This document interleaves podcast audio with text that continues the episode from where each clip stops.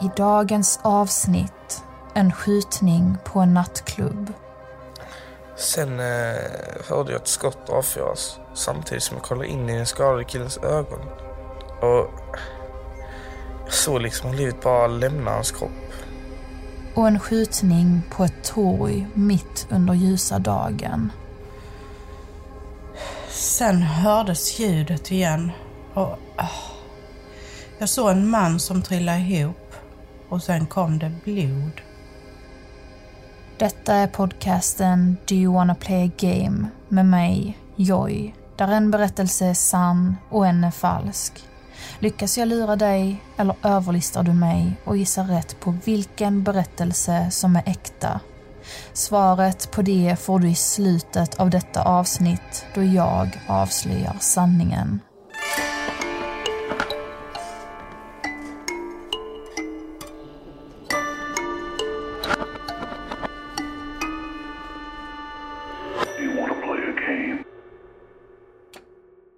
I detta avsnitt, som jag valt att kalla skjutningar bland människor, ska vi nudda ett väldigt känsligt ämne som även är något som skrämmer mig otroligt mycket. Personligen så tror jag att detta är min värsta skräck och jag hoppas att jag aldrig får uppleva något som människorna i dagens berättelser fått uppleva. Hur som helst, i den första berättelsen ska vi besöka en nattklubb som levererade en perfekt kväll ända tills en beväpnad man steg in i klubben.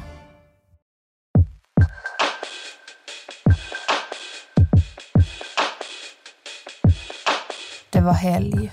En lördag som ett hundratal olika människor hade sett fram emot. Det de alla hade gemensamt var att de skulle gå till samma nattklubb den kvällen. För att festa och ha en rolig utekväll. Just denna lördag var temat Latin Beats och klubben skulle därmed spela en härlig blandning av latinamerikansk musik och hiphop.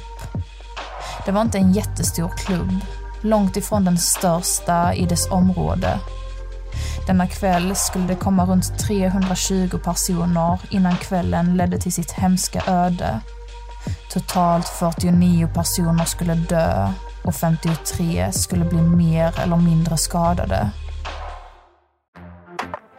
Det var en fartfylld och lyckad kväll. En tjej vågade sig upp på scenen och dansade tillsammans med dansarna medan hennes vänner skämtsamt kastade sedlar mot henne. Två vänner som inte träffats sedan barnsben råkade stöta in i varandra och bestämde att de skulle ta en lunch dagen efter. Samtidigt stod två andra vänner vid baren och raggade på bartendern genom att skriva smickrande meddelanden på kvittorna de fick efter deras köp. Natten började närma sig sitt slut och DJn började spela lite lugnare låtar. Han satt på en funkig reggae-låt.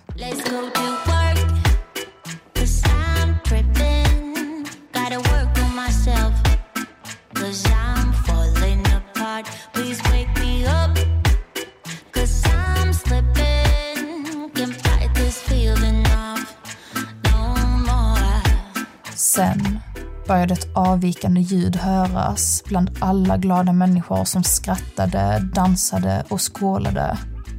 Det lät som fyrverkerier. DJn sänkte musiken. Skottlossning. Människor började skrika och sprang frenetiskt till höger och vänster. En beväpnad man hade stigit in i klubben och han var där för att mörda. 37-åriga Jannike stod vid baren när kaoset påbörjade. Jag kommer ihåg att väggarna omkring mig liksom... De blev träffade av skott. Så det flög ut rök och splitter ifrån dem. Jag fick något i ansiktet och jag tror att, att det var en bit ifrån en av väggarna. Jannike började springa mot entrén. Hon skulle ta sig ut. Vissa människor hade kastat sig mot golvet för att ta skydd från kulorna och vissa låg ner, oförmögna att kunna resa sig eftersom att de blivit träffade av en kula. Detta gjorde att Jannike i total panik fick klättra över och trampa på människor som låg klistrade mot golvet. Men till slut lyckades hon ta sig ut. Jag, jag, jag bara skrek att någon skulle ringa polisen. Det var någon som sköt inne i klubben. Och sen bara trillade jag ihop. Samtidigt inne i klubben flydde många av besökarna mot klubbens toaletter. Klubben hade två rum med toaletter, en för killar och en för tjejer. En av personerna som valde en av toaletterna som gömställe var den unga Norton Caesar. När han hörde skottlossningen kastade han sig mot golvet och började kravla sig mot toaletterna som låg längst bak i klubben. Väl inne på toaletten tryckte han in sig i handikapptoalettens bås med cirka 20 andra personer. De låste dörren in till toaletten. Vissa grät och vissa var förstummade av ren chock. Norton, som stod närmst dörren, kunde se ut i springan mellan väggen och toalettdörren. Då såg han en ung man halta in i rummet. Han är...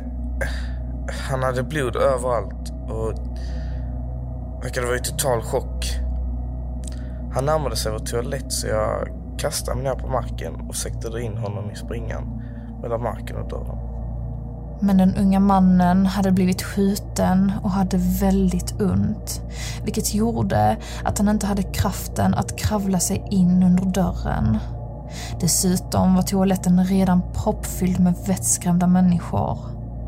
Istället låg Norton och mannen och kollade på varandra genom springan. Mannen grät och hyperventilerade. Jag försökte lugna ner honom och liksom säga att vi inte kanske skulle bli hittade här inne. Men han bara kollade på mig och sa om och om igen att han inte ville dö. En kort stund därefter var den beväpnade mannen inne i rummet och han skrattade.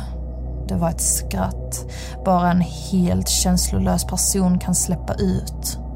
Denna mannen var utan tvekan galen. Sen eh, hörde jag ett skott avfyras samtidigt som jag kollade in i den skadade killens ögon. Och jag såg liksom hur livet bara lämnade hans kropp. Killen hade blivit skjuten en sista gång. Det skottet dödade honom. Strax därefter började den beväpnade mannen skjuta igenom dörren till handikapptoaletten.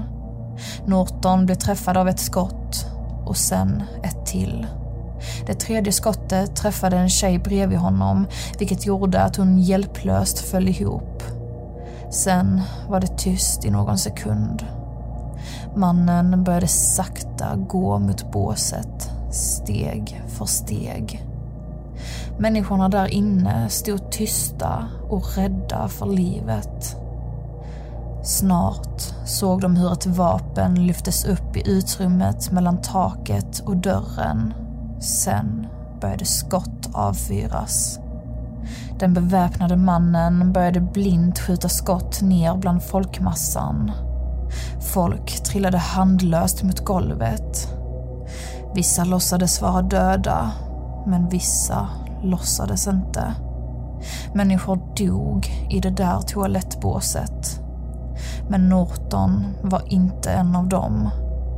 För varje skott som avfyrades så blev det bara tystare och tystare. När det till slut var knäpptyst och alla låg helt stilla fortsatte den beväpnade mannen till ett annat ställe. Norton, som blivit träffad av två skott men fortfarande hade styrka och energi, såg nu sin chans att fly innan mannen återvände in till toaletten. Jag tryckte mig förbi människorna som låg ovanpå mig och drog mig loss. Sen låste jag upp dörren och snubblade ut ur toaletten. Norton haltade sig fram mot klubbens utväg. Han såg suddigt och hans huvud snurrade. Men han såg inget annat alternativ än att kämpa sig hela vägen ut. När han närmade sig entrén möttes han av ficklampor som bländade honom. Snart kom en man fram till honom och tog tag i honom. Det var en polis. Polisen hjälpte Norton ut ur klubben och sen fick han hjälp av ambulanspersonal. Norton överlevde, men inne i klubben fortsatte människor att dö. Den beväpnade mannen närmade sig dansgolvet. Han började skjuta mot människor som i panik flydde när de märkte att mannen hade hittat dem. En av personerna som befann sig där var Andrea Coleman.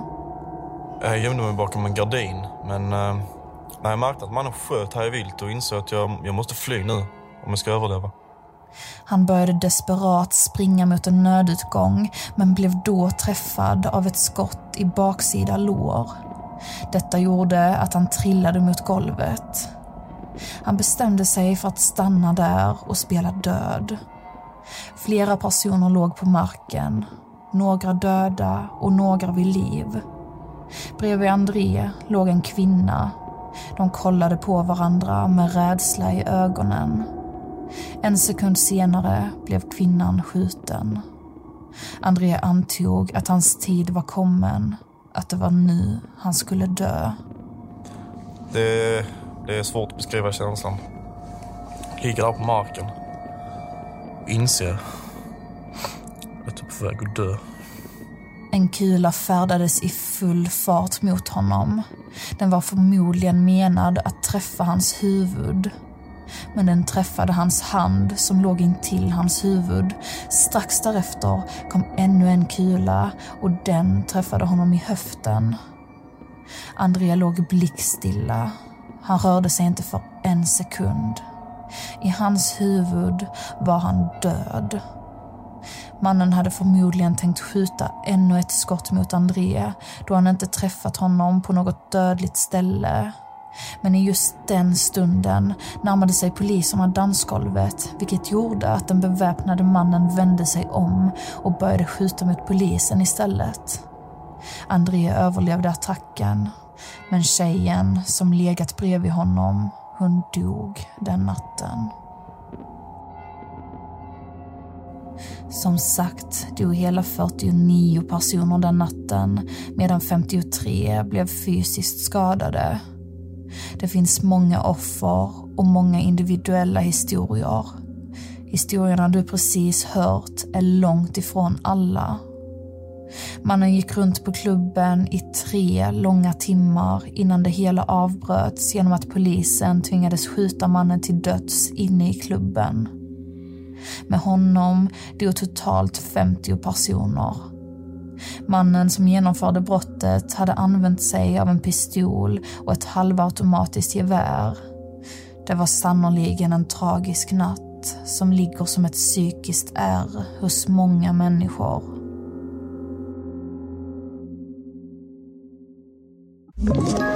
Ett poddtips från Podplay. I fallen jag aldrig glömmer djupdyker Hasse Aro i arbetet bakom några av Sveriges mest uppseendeväckande brottsutredningar. Går vi in med hemlig telefonavlyssning och, och då upplever vi att vi får en total förändring av hans beteende. Vad är det som händer nu? Vem är det som läcker? Och så säger han att jag är kriminell, jag har varit kriminell i hela mitt liv men att mörda ett barn, där går min gräns. Nya säsongen av Fallen jag aldrig glömmer på Podplay.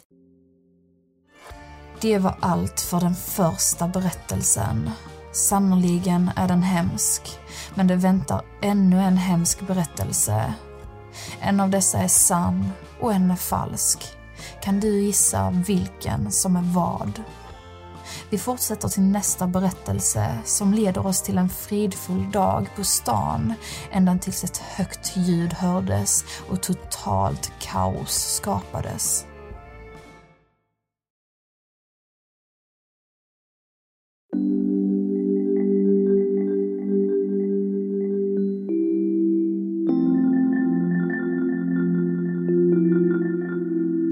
Det var en vindstilla eftermiddag i Orlando, Florida.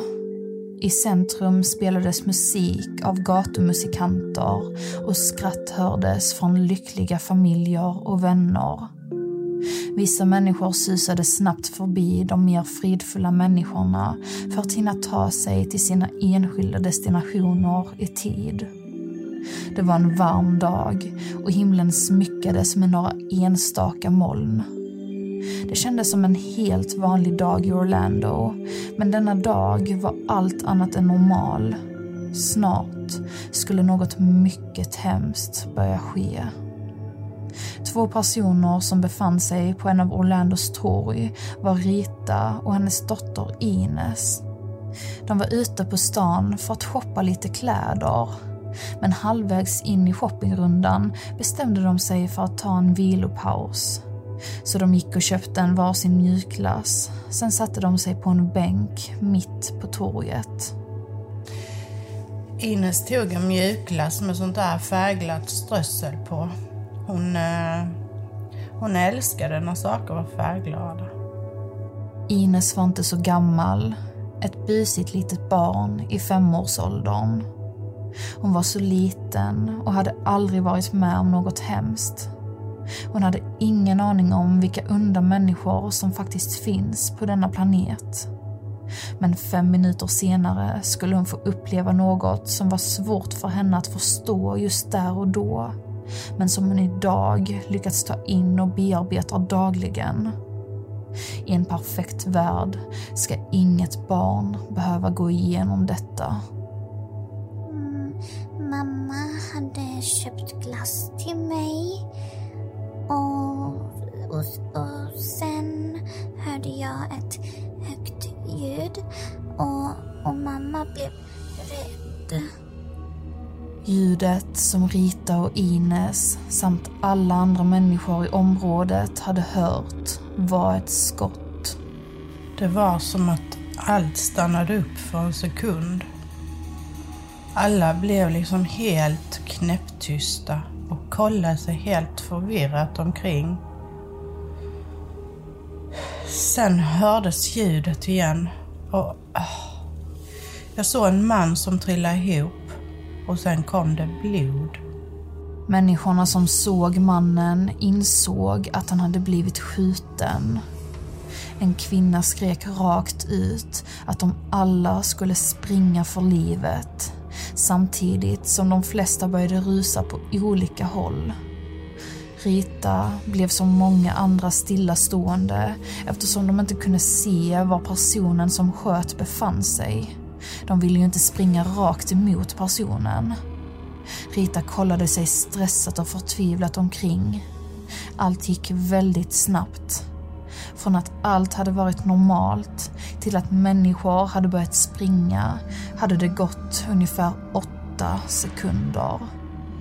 När cirka tio sekunder passerat kollade Rita åt sidan för att ta tag i Ines och börja springa. Men då insåg hon att hennes dotter var borta. Jag kan inte fatta än idag. Alltså, hur min första tanke inte var att kolla var min dotter var. Jag kollade liksom på omgivning och allt som hände och ja, jag, jag trodde hon var kvar vid min sida. När Ines hade sett att människor börjat springa hade även hon börjat springa. Jag ville gömma mig för, för det, det var läskigt när alla sprang och skrek.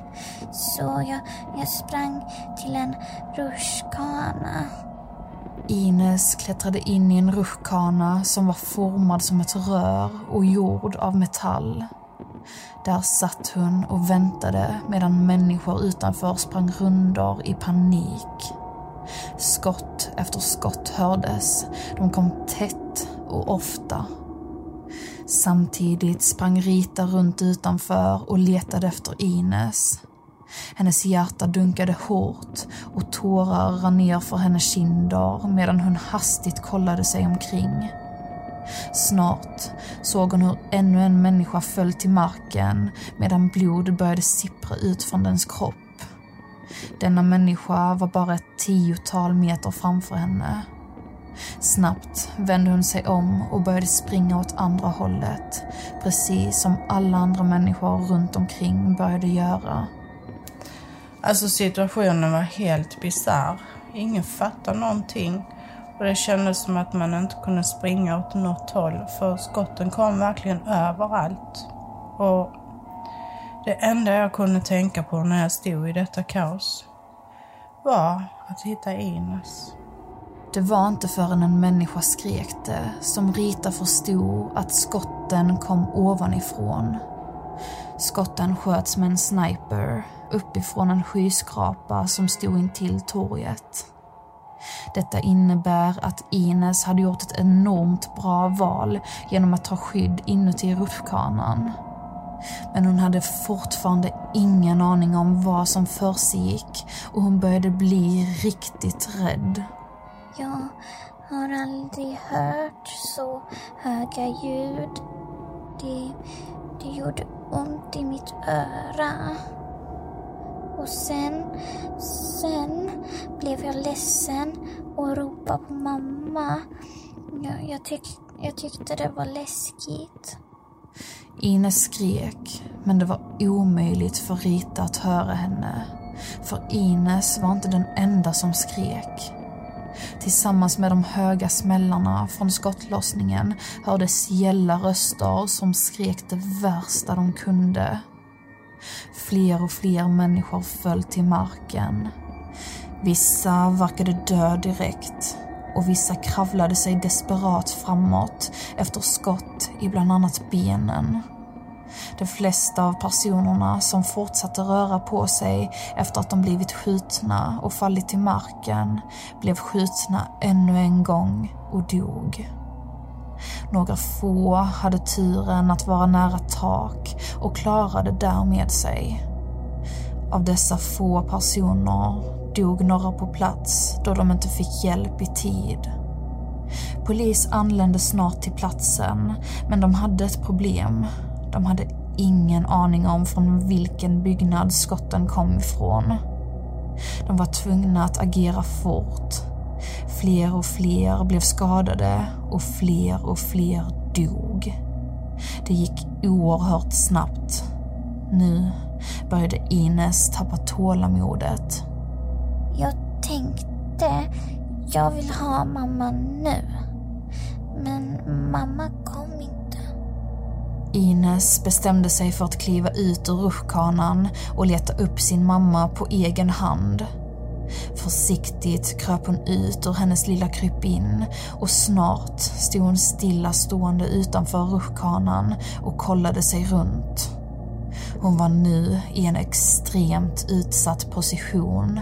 Som tur var letade Rita fortfarande efter Ines frenetiskt och det dröjde inte länge innan hon fick syn på henne.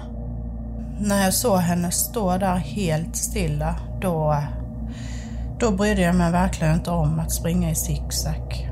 Jag sprang raka vägen fram till henne det snabbaste jag bara kunde. Rita sprang så fort benen bar henne. Snart var hon framme hos sin dotter. Hon kastade sig på sina knän och tvingade in Ines i rutschkanan. Strax därpå kröp Rita efter henne. Rita kramade om hennes oförstående dotter. Hon kämpade för att inte gråta. Detta var inte rätt tillfälle att visa sig svag.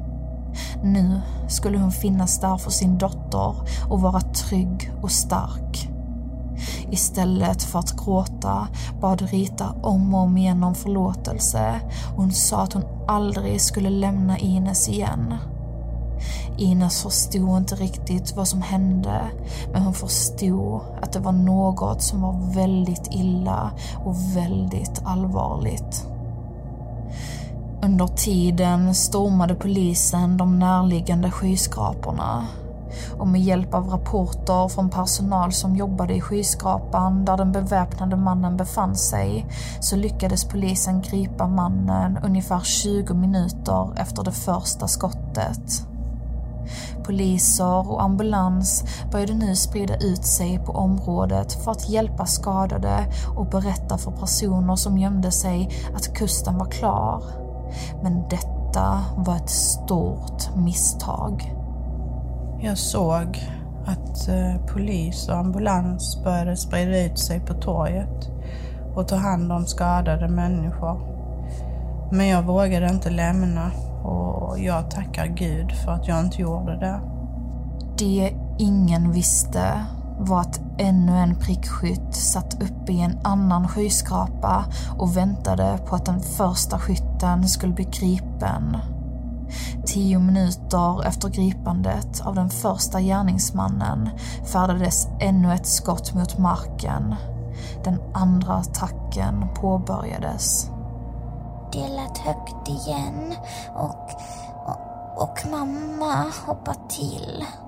Och sen så, så, så började människor skrika. En manlig polis blev skjuten rakt i bröstet.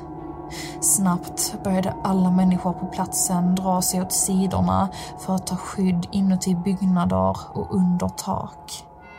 Det som inte fick hända, hände. Gärningsmannen hade överlistat dem. Genast blev detta ett mycket mer komplicerat fall. Om det fanns ännu en prickskytt efter den första fanns det många anledningar till att tro att det fanns ännu fler. Nu ställde sig alla frågan hur många skyttar som satt utspridda på olika ställen och väntade. De ställde även sig frågan hur polisen skulle vara säkra på att alla skyttar blivit gripna.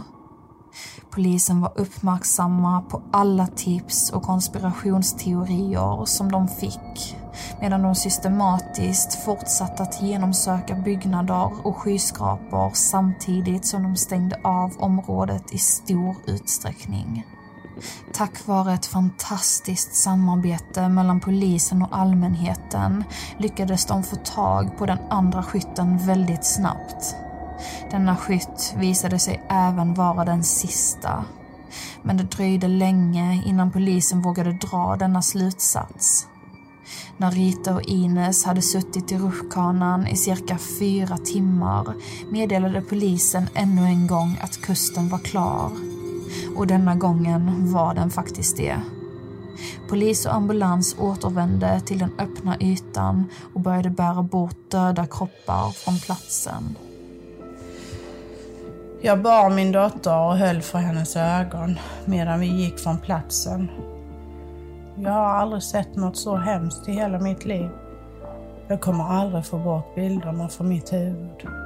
Ibland drömmer jag att det händer igen, så eh, detta är med mig varje dag.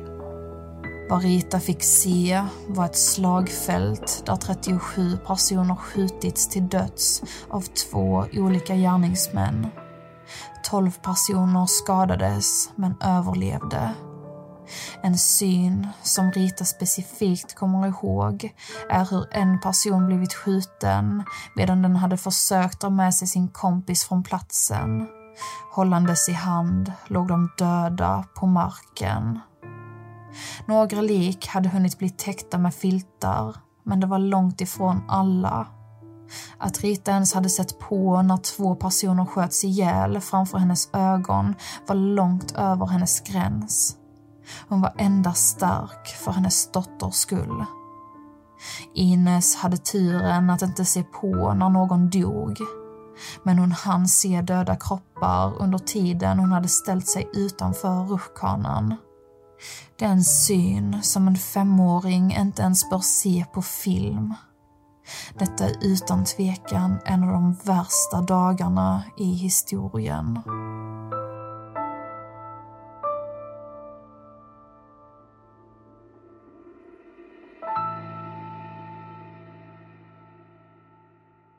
Det var allt för den andra berättelsen. Snart ska vi ta reda på vilken av dessa två berättelser som är den sanna. Men först ska du få en liten repris på vad de handlade om. I den första berättelsen fick du höra om tre personers olika upplevelser på en nattklubb som blev stormad av en beväpnad man alla tre klarade sig mirakulöst ut levande efter olika sorters möten med mannen. En i baren, en på klubbens toalett och en på dansgolvet. Men hela 49 personer dog den kvällen och 53 skadades. I den andra berättelsen fick du höra om mamman Rita och hennes dotter Ines som överlevde den hemska attacken av två prickskyttar på ett torg i Orlando, Florida. De skildes åt men lyckades hitta varandra till slut och höll sig trygga och starka tillsammans. 37 personer dog och 12 skadades. Så, vilken av dessa två berättelser är den sanna? Det ska vi ta reda på nu.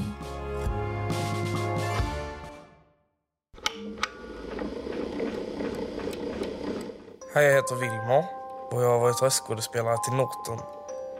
Och denna berättelsen är sann.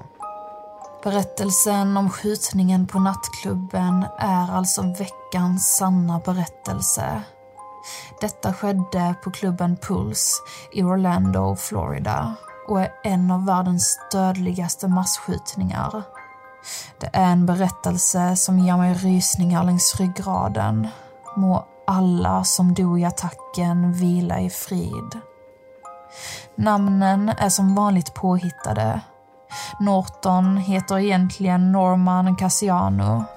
Jannike heter egentligen Jeanette och André heter egentligen Angel. För att läsa mer om detta fall så ska du följa min Instagram Do you want to play a game podcast. Där kommer jag även lägga upp bilder relaterade till berättelsen. Detta innebär alltså att berättelsen om Rita och Ines lyckligtvis är falsk. Men tyvärr finns det fall som liknar sig vid detta, vilket innebär att det finns människor som faktiskt har gått igenom något som är likt denna berättelse. Det är inget annat än fruktansvärt. Det var allt för det här avsnittet. Du får jättegärna prenumerera på denna podcast och gå in på podcaster slash iTunes och skriva en recension. Det skulle göra mig jätteglad. Jag är som vanligt tillbaka på fredag nästa vecka med ännu ett rysligt tema. Ses då. Hej då.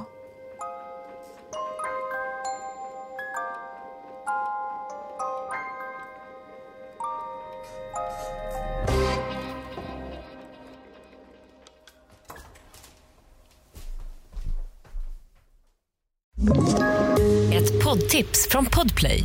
I fallen jag aldrig glömmer djupdyker Hasse Aro i arbetet bakom några av Sveriges mest uppseendeväckande brottsutredningar.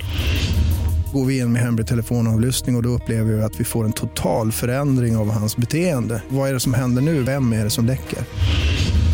Och så säger han att jag är kriminell, jag har varit kriminell i hela mitt liv men att mörda ett barn, där går min gräns. Nya säsongen av Fallen jag aldrig glömmer på Podplay.